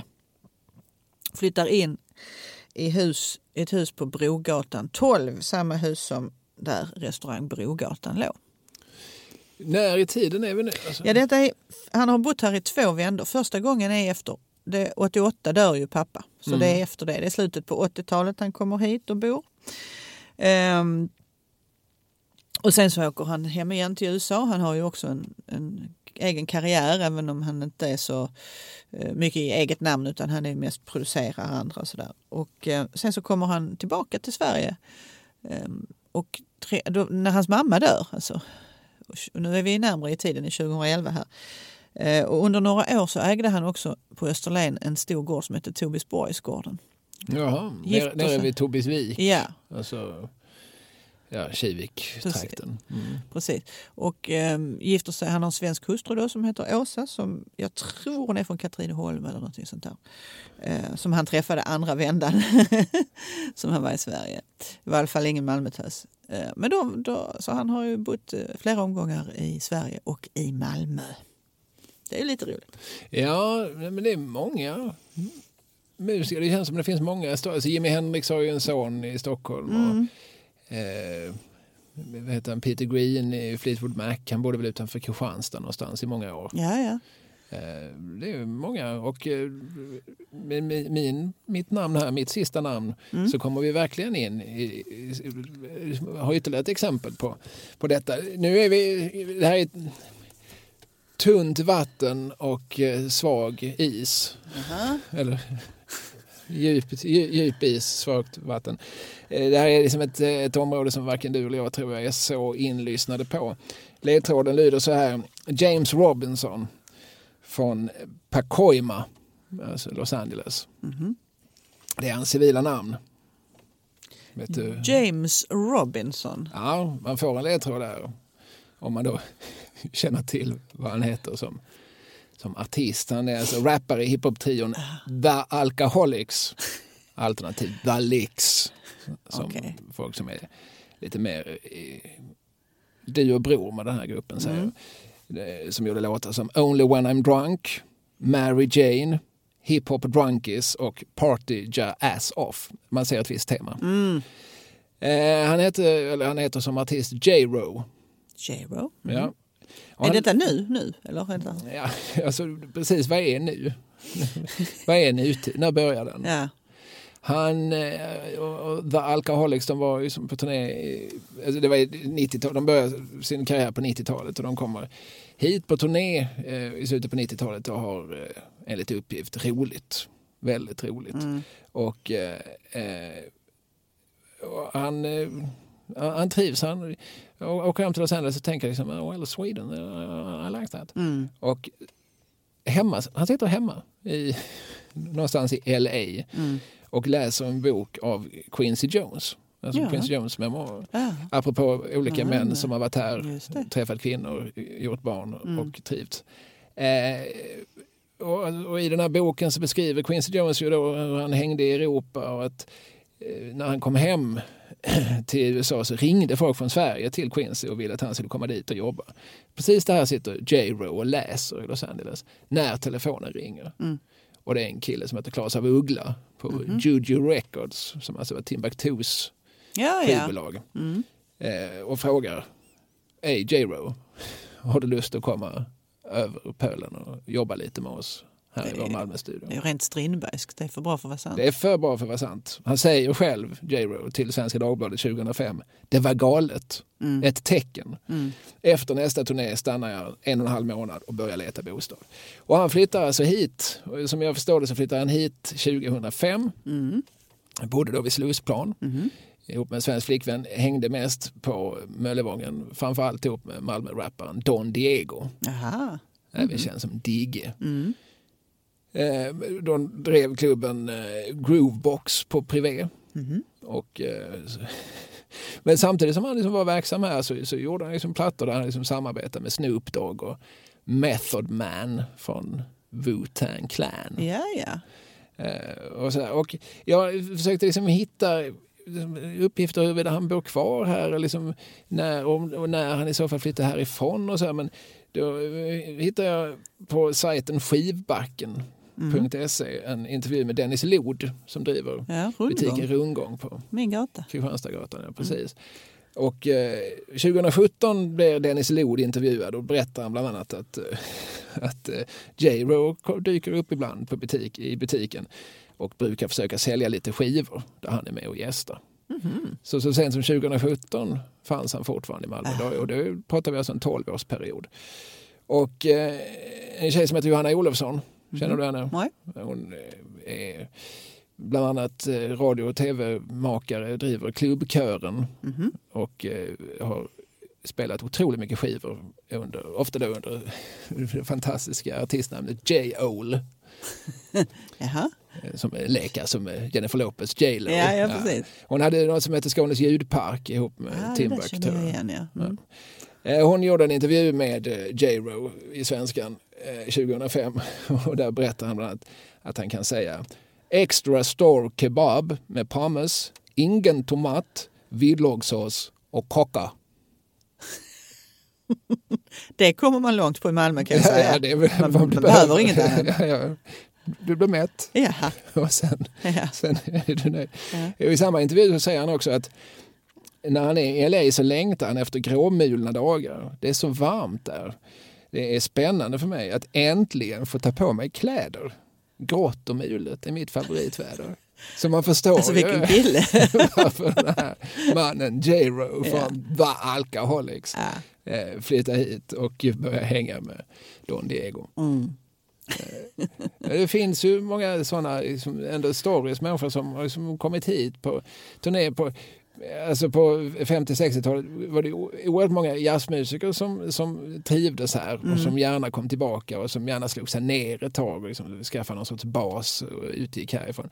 Det var ju ofta för att de blev betydligt bättre behandlade här eftersom det fortfarande var liksom ett, i princip ett apartheidsystem, minst i amerikanska södern vid tiden. Eh, Så det kan man ju förstå att, ja, men, vänta, får jag äta på vilken restaurang Ja. jag vill? Får jag äta på den restaurangen som jag spelar på? Mm. För det fick de inte göra i, Nej, i staterna. Nej. Det var okej att på scenen kan ni svarta få sitta men sen så får ni gå ut och äta i köket. Eh, Så där kan man ju förstå ändå liksom att, att Sverige hade någon sorts dragningskraft. Men jag tycker alltid det är spännande när de flyttar från LA till Malmö. Ja, och, de, och dessutom anför det som ett skäl att vädret är bättre här. Eller trevligare här. för det, det håller inte jag med om. Inte Jag har varit jag i. LA. Och jag har absolut varit i Malmö. Ja, man går runt ett gathörn och bara... Ja, Ja. Ja, det är inte för vädrets skull vi stannar. Samtidigt som ju alltid när man kommer norrut så skryter man ju om att ja, så har ni långkalsonger? Det har inte vi Ja, hemma. vi är åtta plus på julafton. Ja, ja. Men eh, sen så kommer man ännu längre söderut och så tänker man att det här är nästan ännu skönare. Mm. Lite så är det. Så J. Rowe hittar vi i alla fall på vår andra plats. Vad roligt. Och nu är vi ju alla otroligt spända Mm. på vad Vante har i rockärmen. Oj, oj, oj, oj. Ja, nej, men då säger jag så här. Eh, ja, men det här är nog rätt så lätt ändå. En tusensköna på den baltiska utställningen. Ja, en tusensköna. Alltså, det här är något begrepp som jag bör koppla till något. Eh, Vem, vem, vem var en tusensköna 1914? Nej, nej jag, det dyker inte upp något namn omedelbart. Om du översätter uh, tusensköna på engelska. Mm, då måste jag ju blotta min eh, Eller en okunskap. margrit. Eh, eh, heter, det- är det, heter, heter det Margrit? Men alltså en, en, en daisy. Alltså margriter och tusensköna så. Är det samma sak? Eh, Daisy? Ja, men vil- vilken Daisy, vilken Daisy är det? Nej, alltså du, du får hjälpa mig. Ja, nu är vi inne på ämnet kungligheter igen. Ja. Ja, det blev ju några sådana här idag ändå. Jo, nej, men de har ju varit här. Vi har ju nämnt Petrikyrkan flera gånger. Där Ja. hade vi ju tre kungamöten 1914. Ja, ja visst. Det är Precis. ju inte många städer som kan ståta med det. Nej. Men vilken Daisy pratar vi om? Jo, då är, det, då är det hertiginnan av Skåne, alltså Margareta. Eller snarare då Margaret of Connaught från Bagshot Park i England. Vars farmor var drottning Victoria. I riket där solen aldrig gick ner. Ja, vi, vi, pratar om det brittiska imperiet men, men, men det här var en nyhet för mig. Alltså, vi pratar om den engelska drottningen. Nej, alltså Engelsk ehm, prinsessa. Margareta gifte sig med, och jag säger fortfarande gamle kungen. Mm. Eh, Det är väl kanske många som gör det. Gustav den sjätte Adolf, alltså Gustav Adolf. Ja, det är ju den gamle kungen. Ja, det är den gamle kungen. Alltså, han som sitter nu, det är bara en spoling. Ja, exakt. Han Men har han- bara suttit där i 50 år snart. Så. Ja, nästa år är det 50 Ja, år. ja. Och det tror jag är, eller det är någon sorts världsrekord. Mar- Margrethe firar ju i. Danmark eh, 50 år i år. Mm. Så då, att, eh, Hon, och drottning Elisabeth i England har väl 70 år på tronen. Ja, nej, så det är inte världsrekord, det är Sverigerekord. Sverigerekord är det nog. ja, Eh, Han är den precis. kung Ja, som har suttit längst i Sverige. Men, Så kan vi ju tänka att Margareta röker de här liksom väldigt starka grekiska cigaretterna som ju till och med är förbjudna i Danmark. Så att vi kan väl ändå tänka oss att hon kommer att, att behöva lämna tronen innan sin kusin Carl Gustaf. ja det är möjligt. Hon är, men man vet aldrig med Ja, henne. Fruktansvärt vital. Alltså. Mm. Det får man ju ge henne. Ja, det är ju, jag, jag har inte många royalistiska ben i kroppen men jag, jag, jag gillar, som alla, gillar jag ju Margareta. Ja, Man har aldrig hört någon säga någonting ont om henne. Nej. Nej, nej. Och hon, det finns ju en klar koppling till henne här därför att eh, hon kallas ju också för Daisy. Ja, Heter ja. Margareta och hennes mormor var den här Margareta som vi nu ska prata om. Och Margareta, hon är engelska. Yes, och hon eh, kommer som sagt, hennes farmor är drottning Victoria så hon kommer ju från de högre klasserna. Det får man väl säga. Mm. Ehm, och när hon är i Kairo någon gång 1905 är det väl då. Så träffar hon ju, hon är där med familjen och reser runt och så träffar hon vår prins, för det är han ju fortfarande ännu inte kronprins, Gustav Adolf. Och de blir så otroligt förälskade i varandra, blixtförälskade och förlovar sig innan eh, timmen har gått, höll jag på att säga, men väldigt snabbt. Just det, Gustav den sjätte Adolf, vår Ja. nuvarande kungs farfar. Det, Ja. där stökar alltid till Ja. eftersom kungens far aldrig blev kung. Nej. Eftersom han dog redan 47 i en Ja. flygolycka. Ja. Han skulle då ha blivit Gustav den sjunde Adolf. Ja. Eh, det blev han aldrig. Nej. Eh, så innan Karl XVI Gustav så satt Gustav sjätte Adolf. Han satt från 1950 till 1973. Just precis. Innan honom satt hans far Gustav femte som satt från 1907 till 1950. Alltså Ja. det är långa, Ja, de är sega de där Bernadotterna. det, det, det måste vi ge dem. Mm. Och, och Gustav VI Adolf han blev, ju, alltså han blev ju kung, då är han ju förbi pensionsålder Ja, när, Ja. när, när, han- när han blev kung. det är inga hoppjerkor. Eh, nej, nej, men eh, och, så- och så sitter han ändå i 23 år. Ja, Så de blir ju över 90 mm. normalt, just det. de goda generna. Och Gustav VI Adolf han är gift två gånger för att denna kvinna du pratar om, hon, Ja. hon dör ifrån honom. Hon dör väldigt ung, ja. och hon, men hon blev otroligt populär i alla fall. Hon kommer första gången till Malmö 8 juli 1905. Då, kom, då är de ju alldeles nyförlovade. De är på väg, eh, eller de är nygifta till och med. De kommer från sin smekmånad och är på väg eh, från England då till typ plikterna i Stockholm. De har gift sig i England och sådär. Och då passerar de Malmö och då ska de för första gången, eh, ska hon då sätta sin fot i Malmö. Och det, återigen, det blir ett spektakel. Det är baldakiner, det är äreportar, det är sammethusarer vitklädda små flickor med blomsterkorgar i knät och du vet, det ena med det andra. Och både Gustav Adolf och Margareta, de var ju ganska, eller de var väldigt unga, de var nervösa, de hade inte riktigt representerat. Hur ska det här gå? Ehm, och det var ett ganska kort besök, men hon gjorde succé redan då. Hon var ju väldigt vacker eh, och sen var hon oerhört trevlig och sympatisk och sådär. Ja, slog an en ton hos människor. Eh, sen gick det några år och sen kommer året 1908 och då ska de återigen komma till Malmö och då ska de fira eh, Malmö firar 250-årsminnet av freden i Roskilde. Just det. Och då ska de här komma på besök. Då har Gustav Adolf fått mässlingen och är jätteförkyld och sjuk så, så han kan inte resa. Skickar de Margareta. Jag kan tänka mig att hon kanske svalde både en och två gånger. Nu har det gått tre år. Hon har lärt sig ganska bra svenska, men eh, klart det är ju inte hennes modersmål. Men hon kommer då hit och ska vara kunglig representant. Hon var då kronprinsessa ju, för nu har ju Gust- eh, Oscar II gått ur tiden. Just det, nu har Gustav den femte installerat, sig på tronen. Precis. Och då kallar man det här för sommarfesten. Och man placerar Margareta framför statyn på Karl X Gustav på Stortorget. Hon sitter på ett högt podium. Um, och återigen har vi de här vitklädda små flickorna med blomsterkorgar. Det finns ju bilder på detta naturligtvis. Det finns till och med film man kan titta. Eh, och det blev en lång dag för kronprinsessan. Det är så roligt att titta vad tidningarna skrev. Tidningen Arbetet, socialdemokratisk, skrev så här. Eh, ja, om allt som hände. Därutöver, då har de redan skrivit en lång harang om, om saker och ting som hade skett. Men därutöver var det officerare utklädda i 1600-talskläder. Det var psalmsång, bön av biskopen i Lund, defilering av husarer, infanterister, matroser, guppande av hästar, rätande av ryggar. Och under allt detta måtte, eller måste den stackars människan som ödet gjort till prinsessa av blodet stå käpprak i solskenet och försöka se intresserad ut. Experimentet lyckades inte helt. Sen så gick de Det iväg. var roligt, det var en formulering som, som jag... Alltså det är fascinerande, det är ju som en 120 år, 115 år gammal formulering som, där vi fortfarande hör ironin. Absolut. Och det är ju helt tydligt att eh, det här var ju ingen royalistisk tidning heller på något sätt. Eh, sen går de iväg och äter frukost på kronprinsens, eller på Kungsparkens restaurang. Det här var innan kronprinsens tid.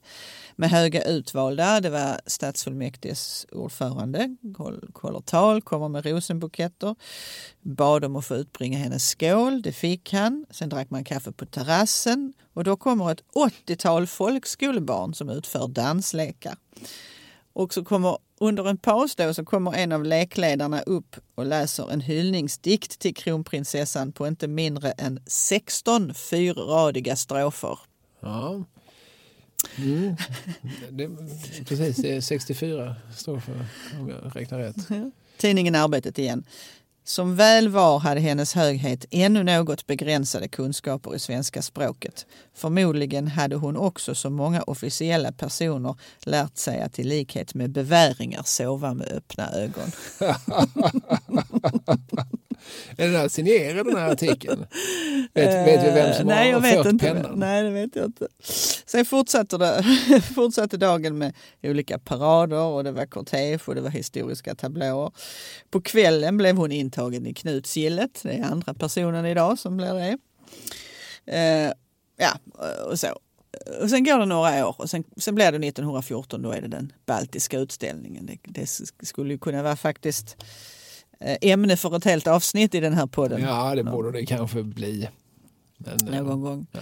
Ehm, och då har vi ju Ferdinand Boberg som var utställningsarkitekt och hans hustru Anna som var konstnär. Eh, och de här båda var väldigt goda vänner med kronprinsparet. Både Margareta och Anna var nära vänner och Ferdinand och Gustav Adolf. Så att Margareta som, ju, som både målade och fotograferade på erkänt hög nivå, hon blev faktiskt engagerad som landskapsarkitekt för just Baltiska utställningen. Mhm. Och det är ju därför vi har både Margareta-paviljongen i dagens Pildammspark och Margareta, prinsessan, äh, kronprinsessan Margaretas blomstergata heter ju den här. Som leder fram till Precis. paviljongen och Ja. leder fram till eh, amfiteatern. Ja, där hon själv arrangerade rabatterna. Och detta gjorde hon ju inte minst på Sofiero som var deras eget eh, sommarställe som de fick som hertigpar av Skåne så fick de Sofiero. Liksom. Mm. Där har hon ju anlagt. Där fick hon ju sin man eh, väldigt intresserad av trädgård och de anlägger de här rhododendron. Rhododendron. eh, Sofia odlingar. Ros rhododendronodlingar, de har man ju hört talas om. Eh, Man har ju också sett dem. Ja. De går ju inte av för hackor. Men i alla fall, så hon, hon, hon hade stort intresse och kunskap i det där och har då satt sina spår i Malmö får man ju faktiskt säga. Ja, det får man ju säga. Mm. Eh, För Margareta-paviljongen tror jag att ganska många människor ändå vet vilken den är. När man, alltså även folk som inte har rötterna i Malmö. Mm. Eh, och, eh, så det är liksom ett begrepp som är bekant. Men alla kanske inte har funderat över dess ursprung. Och, och som vi, för att knyta ihop säcken lite grann, det vi pratade om innan vi började göra vår lista med Agnes Frids och Agnes Lundsvägen. Alltså många gator är ju, är ju annars liksom döpta efter, efter Malmöbor. Just det. Men Margareta, så man kan ju tänka Margareta, det var väl någon tant som höll, hade en paviljong. Ja, just det. Men det var alltså Sveriges dåvarande kronprinsessa. Ja. Som sen dog 1920 väldigt ung och hade då fem små barn. Och, ja, det var mycket ledsamt alltihopa. Ja, och så gifte han om sig med en Louise av Mountbatten. Just det. Tre år sen, i 23, gifte han sig med henne. Ja, mm. Han var eh, liksom lite anglofil. ja det får man väl säga. Där hans, hans far var med och tyskvänlig och Mm. gift med Victoria av Baden. Mm. Och, eh, likaså hans son eh, Gustav, Gustav Adolf. Han, som aldrig, han, han hade också en tysk hustru, Sibylla av Sachsen, Coburg, Gotha. Gotha, just det. Det är många. ja, Ja. Och, det, och även hans son har ju gift sig tyskt. Precis. Mm. Det går i släkten kan man säga. Ja. Mm. Mm. Eh, vad roligt. Vad, Mm. vad, vilka, vad många namn vi har droppat. Det får man säga. Men från, från eh, 1700-talet, eller om man så vill då, som påven. Mm. Eh, påven är ju uråldrig. Mm. Alltså, eh, Franciscus är ju bara en, eh, som en representant. Själva Påvedömet har ju Precis. funnits. Jag vet faktiskt inte när påvedömet uppstod, men jag säger 400-500-talet. Men det beror nog på hur man räknar. Eh, så att det, vi har ju täckt in som 2000 år av Malmöhistoria. Det, Ja, det, är ju, Det är styvt. det tycker jag är bra jobbat med tanke på att stan inte är så gammal. Eh, ja men vad bra, då knyter vi ihop säcken och eh, wrappar it up, som man säger på nu svenska. Jag, jag drog alla formaliteter i början.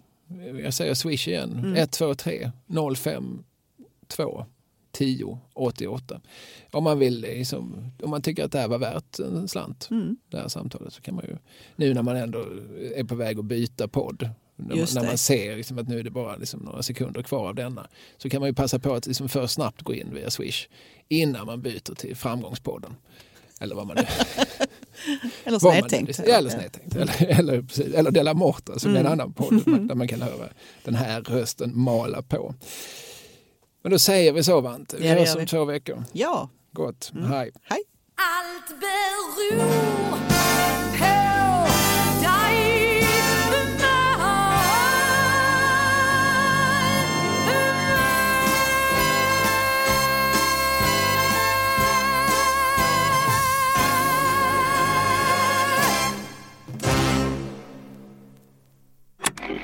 Programutsändningen presenterades av Kalle Lind, kulturarbetare AB